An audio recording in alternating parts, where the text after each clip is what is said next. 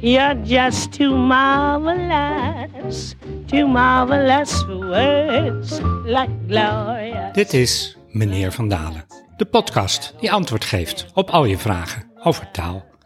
Mijn naam is Jaap Parkie en ik ben uitgever bij Van Dalen.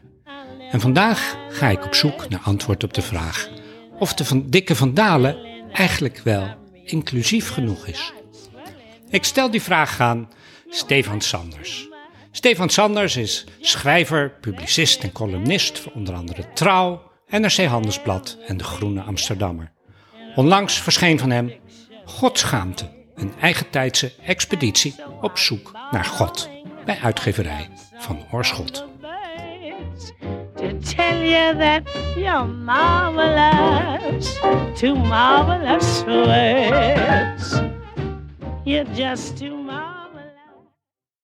Welkom Stefan. Dankjewel, Jaap.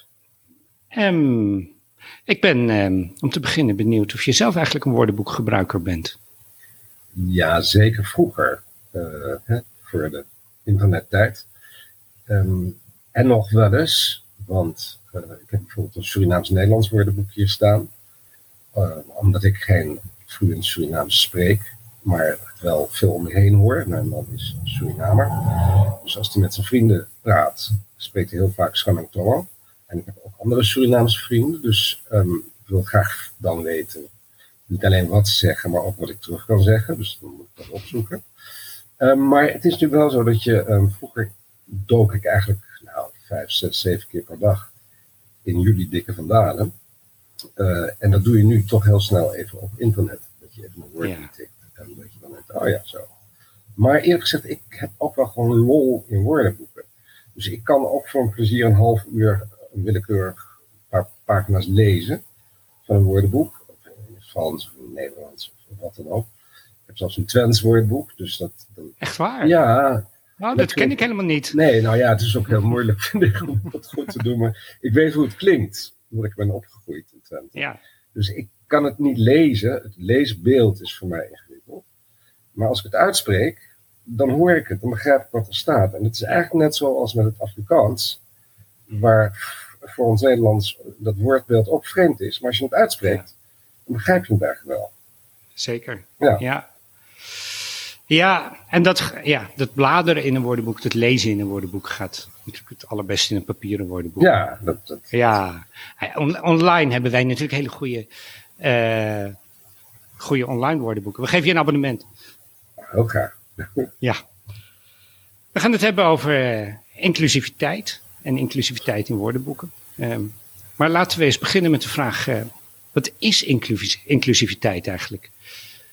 Ja, dat is een hele goede en bijna niet te beantwoorden vraag. Nee, daarom stel ik hem. Ja, eh, letterlijk zou het zijn dat je iedereen insluit, hè, meeneemt in je overweging of in je gedachte of in je begrip.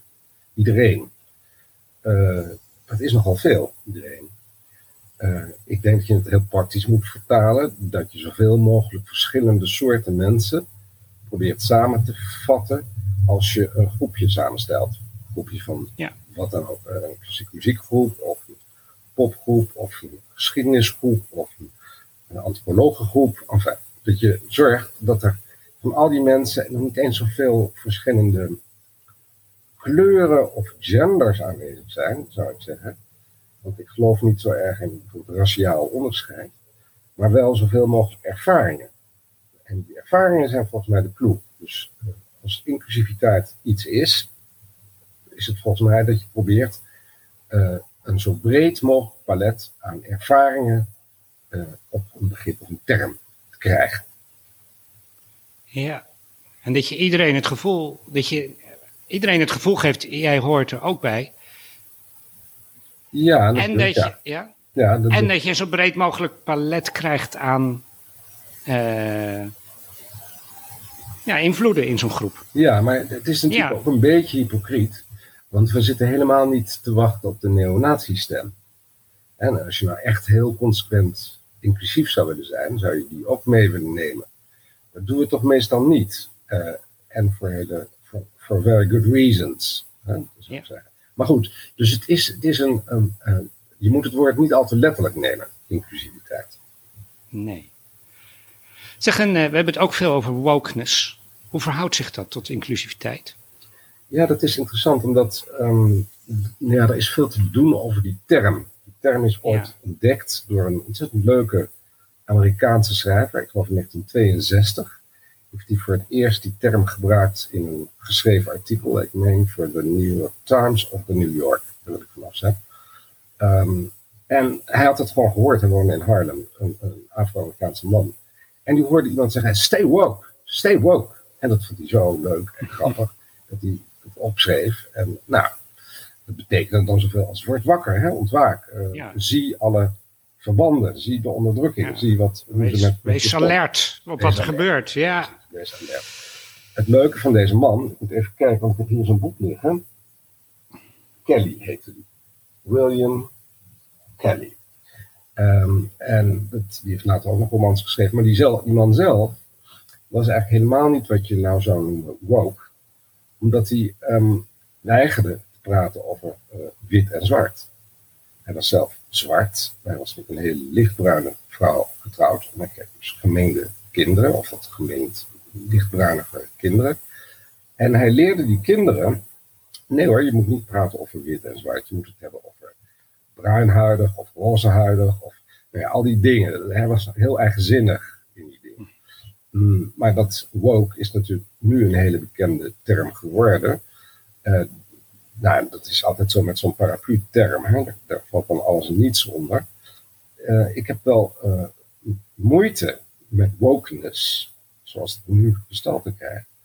Omdat precies dat individuele, wat zo leuk was aan, aan die man, de individuele schrijver die zijn eigen zinnigheid in taal gebruikt, dat die nou heel erg verloren dreigt te gaan, omdat woke en woke mensen de neiging hebben om niet alleen hun eigen taal te fabriceren, dat is op zich nog heel leuk, maar die ook dwingend voor te schrijven aan anderen.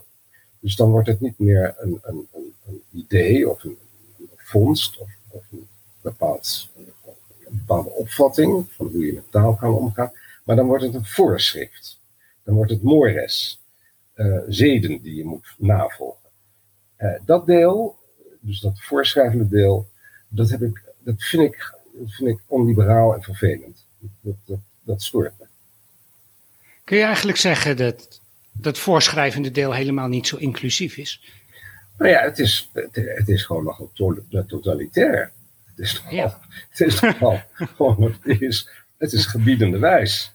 Ja. Gij zult, en niet alleen ik zal zeggen, en wij zullen zeggen, maar gij zult ook zeggen, als gij dat niet zegt, dan, dan lig je eruit. Dan ben je een gevaar, dan ben je eigenlijk een racist, of misschien nog veel erger, een, een halve natie. Um, ja. Nou ja, dat, dat deel vind ik heel vervelend. Um, en dat is natuurlijk niet bij iedereen zo, maar heel veel woke mensen uh, hebben die neiging. Waarom? Je, je zou natuurlijk kunnen zeggen, dat is even nodig in die emancipatiestrijd. Ja, waarom, vind, ze, waarom, Waar, waarom vind jij het precies zo vervelend? Nou ja, goed, dat zeiden ze natuurlijk ook van de guillotine. Hè? Dat was even nodig. Ja. de Franse revolutie. Dat zeggen ze altijd. Dat zeggen ze ook over de, de Russische revolutie. Ja, die concentratiekampen waren even nodig. Ik denk dat hij daar hetzelfde heeft gezegd over zijn concentratiekampen. Gewoon even nodig. Voor ja. volkstoel. Uh, ik ben daar nooit zo van onder de indruk als je dat zo stelt. Omdat ik niet de beheerder ben van de tijd en uh, ook niet van de richting van de geschiedenis. En iedereen die uh, zeker weet dat wel te zijn, wantrouw ik ten diepste. Zeg, en als we het hebben over um, taal, hè, want we hebben het in deze podcast over taal. Als we het hebben over um, inclusief taalgebruik, over woke taalgebruik. Wat zie je precies gebeuren? Nou, wat ik vrees is dat um, de, de, individuele stem, en meer specifiek de individuele literaire stem, verloren dreigt te gaan. Uh, Op de een of andere manier zijn woke mensen heel erg geneigd om te spreken alsof dat spreken geformateerd is. Ja. De, de, de, de computer heeft van tevoren al vastgesteld hoe die zinsdelen eruit zien. En die komen ook in vaste volgorde terug. Dus het is een beetje robotachtig spreken. Van institutioneel racisme tot aan uh, microaggression, tot aan white fragility, tot aan. Nee, dat, dat zijn zo van die begrippen en die komen zo in een bepaalde volgorde iedere keer weer. Terug. Dus je hebt niet erg het idee dat je nou met een persoon aan het spreken bent, maar meer met een bandrecorder. Het worden formules. Het worden Kan, kan, je- kan je daar wat voorbeelden van geven? Want misschien niet iedereen die luistert weet dat, weet dat heel precies. Eh, ja, nou ja, wat ik net, dus net al zei, die, die, die termen, institutioneel racisme bijvoorbeeld, eh, white fragility, eh, het zijn van die vaststaande termen die ze altijd een keer gaan gebruiken. Microagressie. ehm, eh, die, die termen, die zijn heel ingewikkeld. Ja, Institutioneel racisme is een ingewikkelde term. ja, En als je die helemaal gaat onderzoeken, dan moet je zeggen, ja, dat heeft wel degelijk bestaan. Misschien bestaat het nu ook nog wel in ja, bepaalde instituties, maar dan moet je heel specifiek zijn. Kijk, als we Hmm. Ja. het over Zuid-Afrika hebben en de apartheid, is het geen twijfel dat daar institutioneel racisme bestond. nee. Eh, heel lang in de Verenigde Staten, zeker in de zuidelijke delen van de Verenigde Staten, bestond er institutioneel racisme. Je kan zeggen dat er in Nederland in bepaalde instituties, bijvoorbeeld de Belastingdienst, misschien zelfs bij de politie, wel degelijk sprake is van structureel of misschien zelfs Ja. institutioneel racisme. Maar je kunt dat niet zomaar als een modewoord overal op plakken en zeggen, dat is nou een keer zo, dat is mijn geloof. Ik geloof dat het bestaat, dus bestaat het. Ehm, en dat kan niet zomaar, vind ik, omdat je, eh, als het zo is, is het buitengewoon ernstig. En dan, dan zit je dus in een Zuid-Afrikaanse situatie. Ehm, nou, dat, dat kan, maar dan, dat is volgens mij nog niet helemaal het geval in Nederland. Nee. En wat, wat wil je daarmee zeggen? Nou, dat je heel erg moet uitkijken om de termen zo op te rekken Ja, en losjes te gebruiken, dat ze hun inhoud verliezen. Want het, Ja. het is nogal een beschuldiging, institutioneel racisme. En soms is het terecht. Hè? Soms moet je dat die en die institutie op dat moment heeft institutioneel racistisch gehandeld. En dan, dan moet je dus Ja. altijd heel specifiek zijn, vind ik. ja, daar en daar is het gebeurd. Ja, ja. Zeg, en, eh, we hebben het over wokeness, hè, maar er zijn natuurlijk veel minderheidsgroepen, de LHBTQ'ers en, enzovoorts. Er wordt heel verschillend mee omgegaan, hè? Ja, ik, ik ehm, denk het wel. Ik, wokeness is natuurlijk zo'n brede term. Daar vallen dus ook al die verschillende seksualiteiten onder en al die verschillende Ja. vormen van gender en genderbeleving.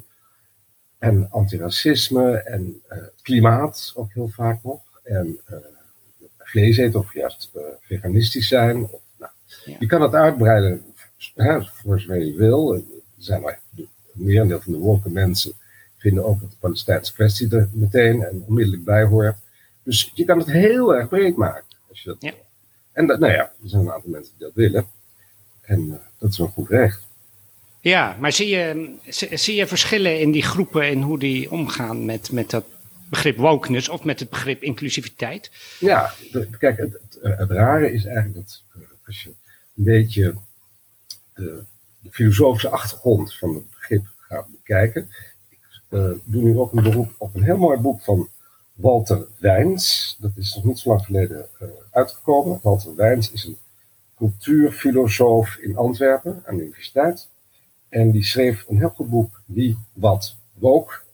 En die probeert inderdaad die filosofie van woke eh, te bekijken en te doorgronden. En die zegt, eh, nou ja, vroeger de, de, de arbeidersbeweging, dus socialistische of zelfs communistische Ja. bewegingen. En die hadden dan hè, de, de proletariaat versus de bourgeoisie. Nou, dat was het. Ehm, wat woke eigenlijk heeft, is eigenlijk één eh, echte aardsvijand. En dat is de witte man. Ja. Misschien ook nog wel de witte Witte heteroseksuele heteroman. Ja. man. Ja. Ehm, en die is eigenlijk besmet met alle erfzonden van de wereld. Ja. Dat vind ik het tweede moeizame aan wokeness. Het is eigenlijk een half religieuze beweging die haar eigen religieuze motieven niet herkent. Ik bedoel, je kan spreken over de erfzonde. In het christelijke idee is, eh, geldt dat voor iedereen, hè? daar is niemand van uitgezonden. Maar in, bij woke mensen is het nou toevallig alleen, of misschien niet toevallig, zullen zij zeggen, maar het is de witte, heteroseksuele westerse man, die is eigenlijk de grote aanstichter van alle kwaad. Die is beladen met alle zonden van de wereld. En al die, al, al die andere mensen, dat zijn natuurlijk enorm verscheiden nog. Van, van, van homo's tot, tot, tot transgenders, tot, tot gekleurde mensen, tot Indiërs, tot, nou, enfin, noem maar allemaal op. Tot uh, moslims, tot katholieken. Als die maar een kleur hebben en als die maar iets uitstaande hebben met een idee van seksualiteit of seks en gender, dan zijn dat nooit daders per definitie, maar altijd slachtoffers, Slachtoffers. direct of indirect, van die Ja. gemene witte man. Ja, Nou, dat, dat vind ik niet een erg scherpe politieke analyse. nee. Nou ja, dat is alles. Ja, het gaat niet uit van wat mensen individueel ook vinden en doen. Nee, het is een groepsdenken. En het is Ja. een groepsdenken in, in de termen van er is een zondebok. Eh, Ja. En die andere schapen zijn, wat ze ook doen, in zekere zin altijd schuldeloos.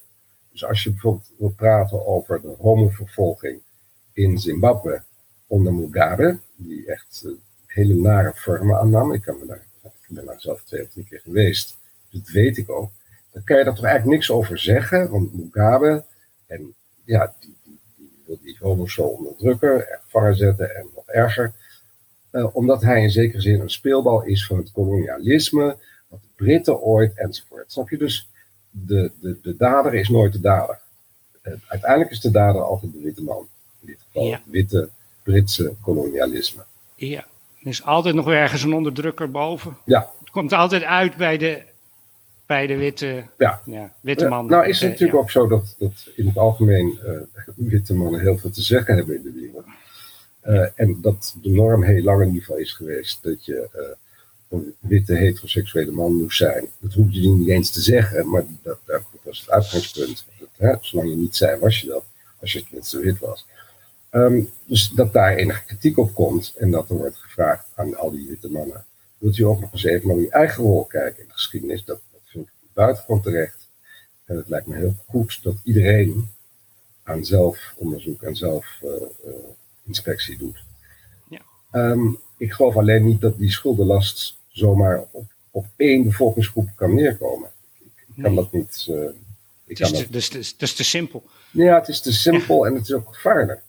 Ja. Omdat je weet dat de zondeboktheorie eh, in de geschiedenis heel veel narigheid heeft veroorzaakt. Ja. En het uitsluiten, het uitsluiten of beschuldigen van groepen Ja. ook. Ja. Ja. Ja. ja. Zeg, als we even teruggaan naar de taal. Hè? Ehm, we zeggen we willen niet dwingend dingen voorschrijven aan mensen. Dat is nooit goed.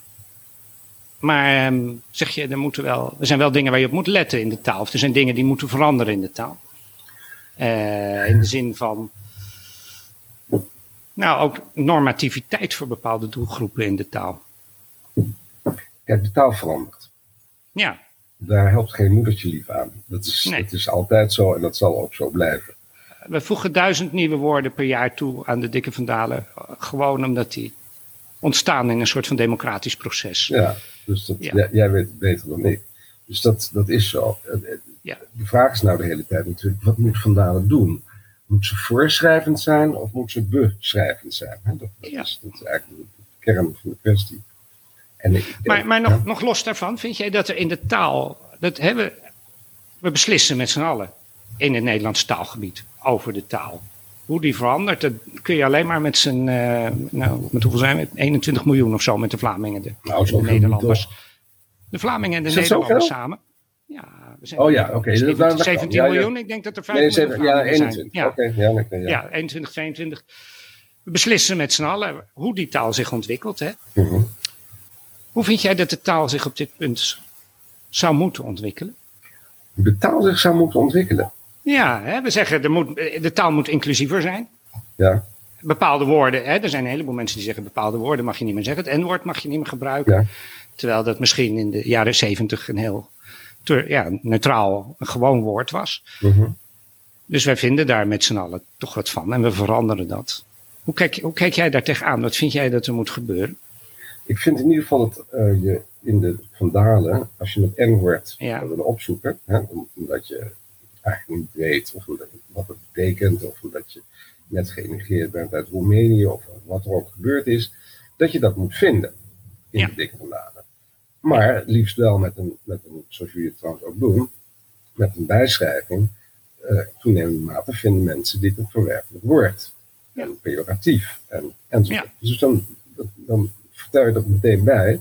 Heel kort wat de geschiedenis is van het woord. Dus dat het zijn, zijn onschuld als het ware heeft verloren. Dat, uh, nou, dat, dat, kan je volgens mij heel goed doen.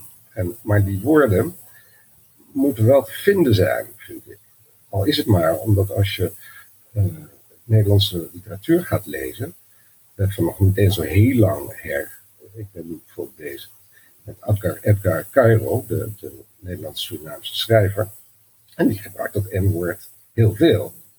En ook met con gusto, hè, met veel, veel zin. Smaak. Ja, dat, dat, goed, dan kan je zeggen, hij is zelf een, een Surinaamse creool, dus hij mag dat, kan het kan. Maar ik wil het natuurlijk wel kunnen lezen en ook begrijpen. Nou weet ik heel goed wat het N-woord betekent. Uh, maar hij geeft er weer een hele andere lading aan.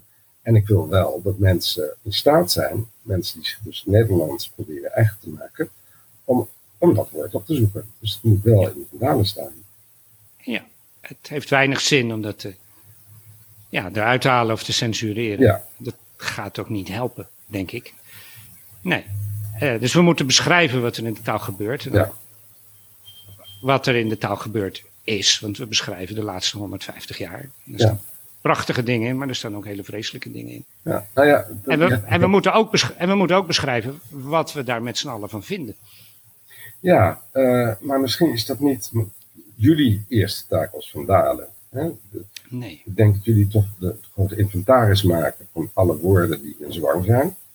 Ja. En dat vervolgens in het dagelijks taalgebruik en in de spreektaal en in de schrijftaal en uh, in kranten en de media enzovoort enzovoort, die sommige woorden beklijven, andere woorden zullen, zullen het niet zo heel lang uithouden.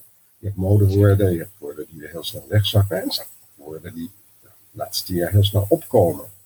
Dus um, een, woord als non-binair was tien jaar geleden, nou ja, dat is misschien onder wiskundige of computerdeskundige een, idee, maar daar, hoorde je eigenlijk vrij weinig over. Met, met, tegenwoordig wordt, het veel gebruikt. Dus dat ook in, een hele andere zin dan computertechnische zin. Nou ja, daar moet je natuurlijk als, als woordboek wel iets over vertellen, wat het dan is. Zeker. Ja. ja. ja. Wat vind je in dit opzicht zelf, eh, wat, wat vind jij verve vervelend taalgebruik? Wat, hoe, hoe, is dat ook, hoe is dat veranderd voor jou in de, in de afgelopen, laten we zeggen, tien jaar?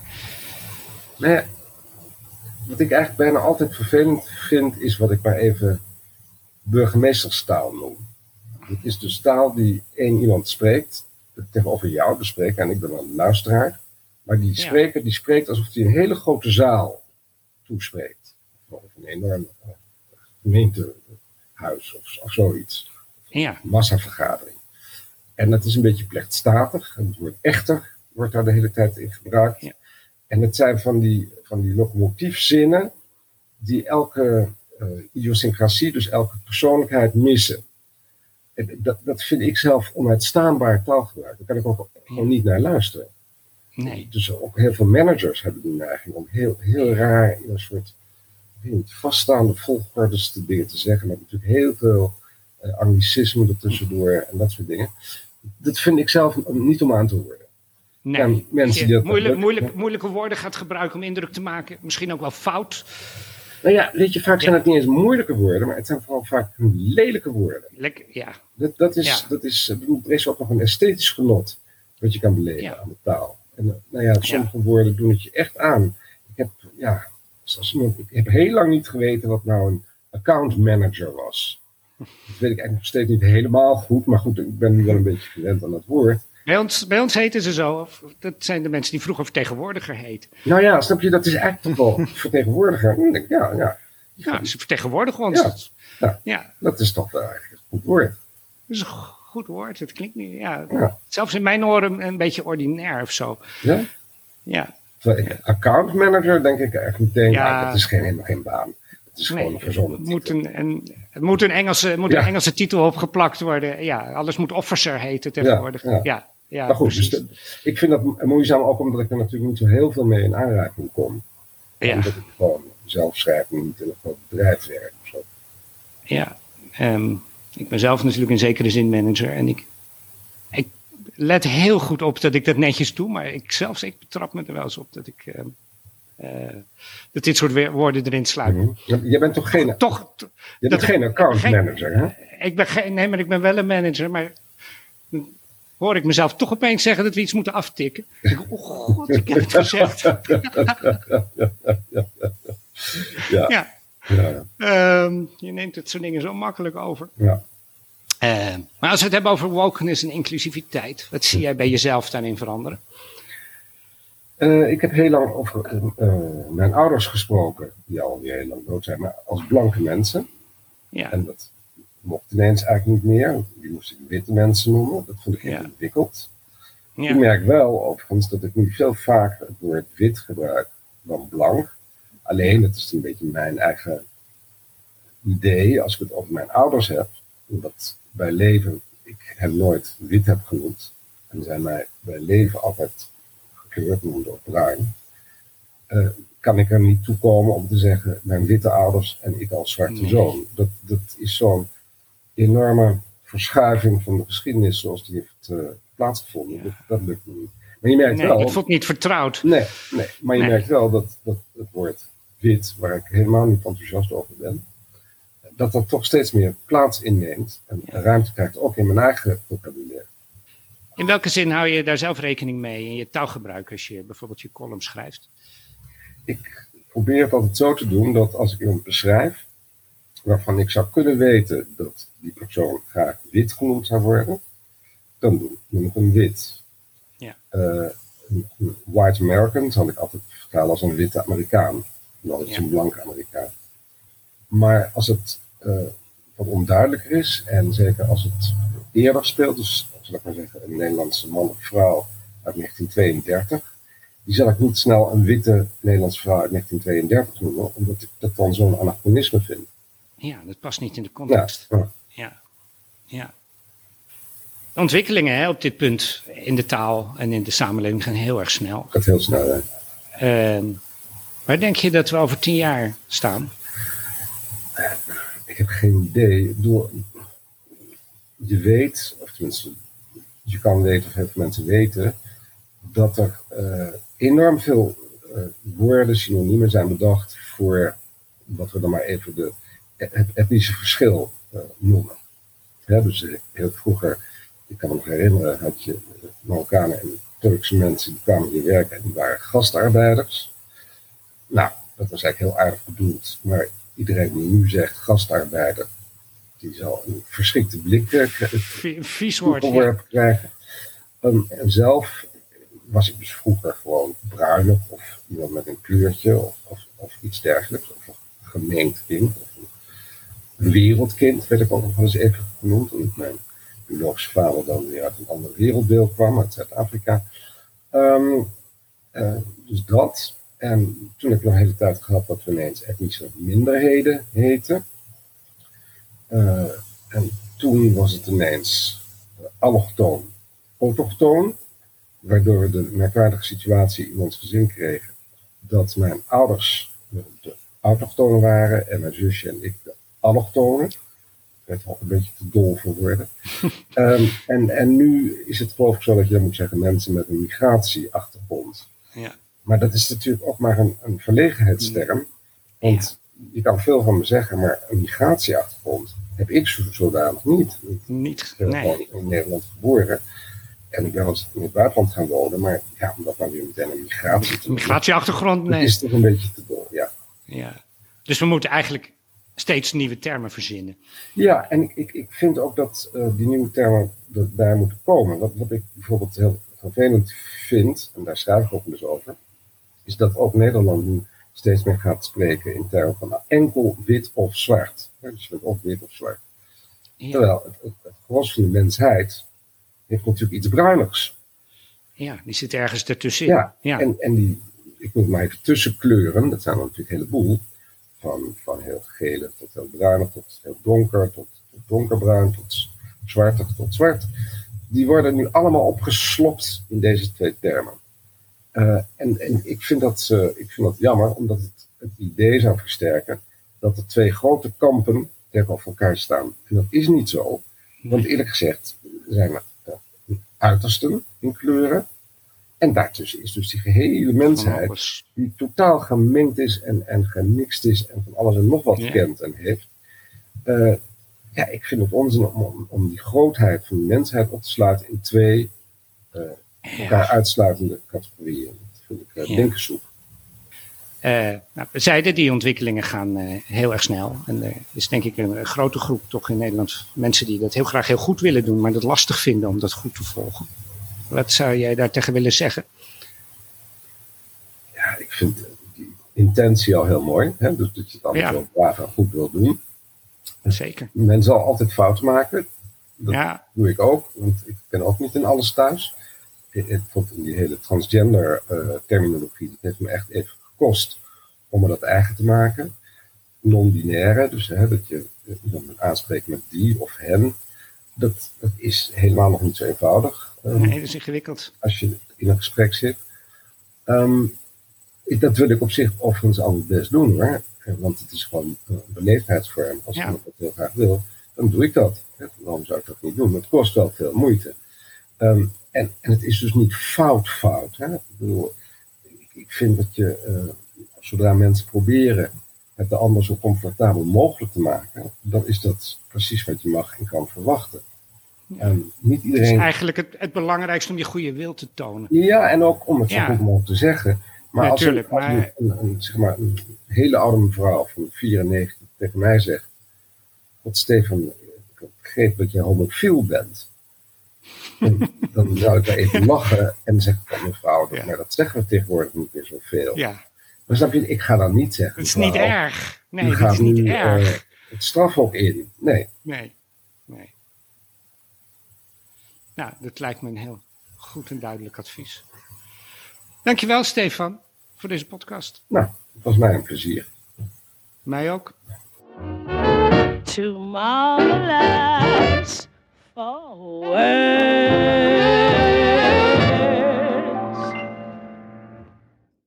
Stefans boek Godschaamte, een eigen tijdsexpeditie op zoek naar God, is verkrijgbaar bij de boekhandel. Vond je deze podcast leuk? Vertel het je vrienden en abonneer je in je favoriete podcast-app.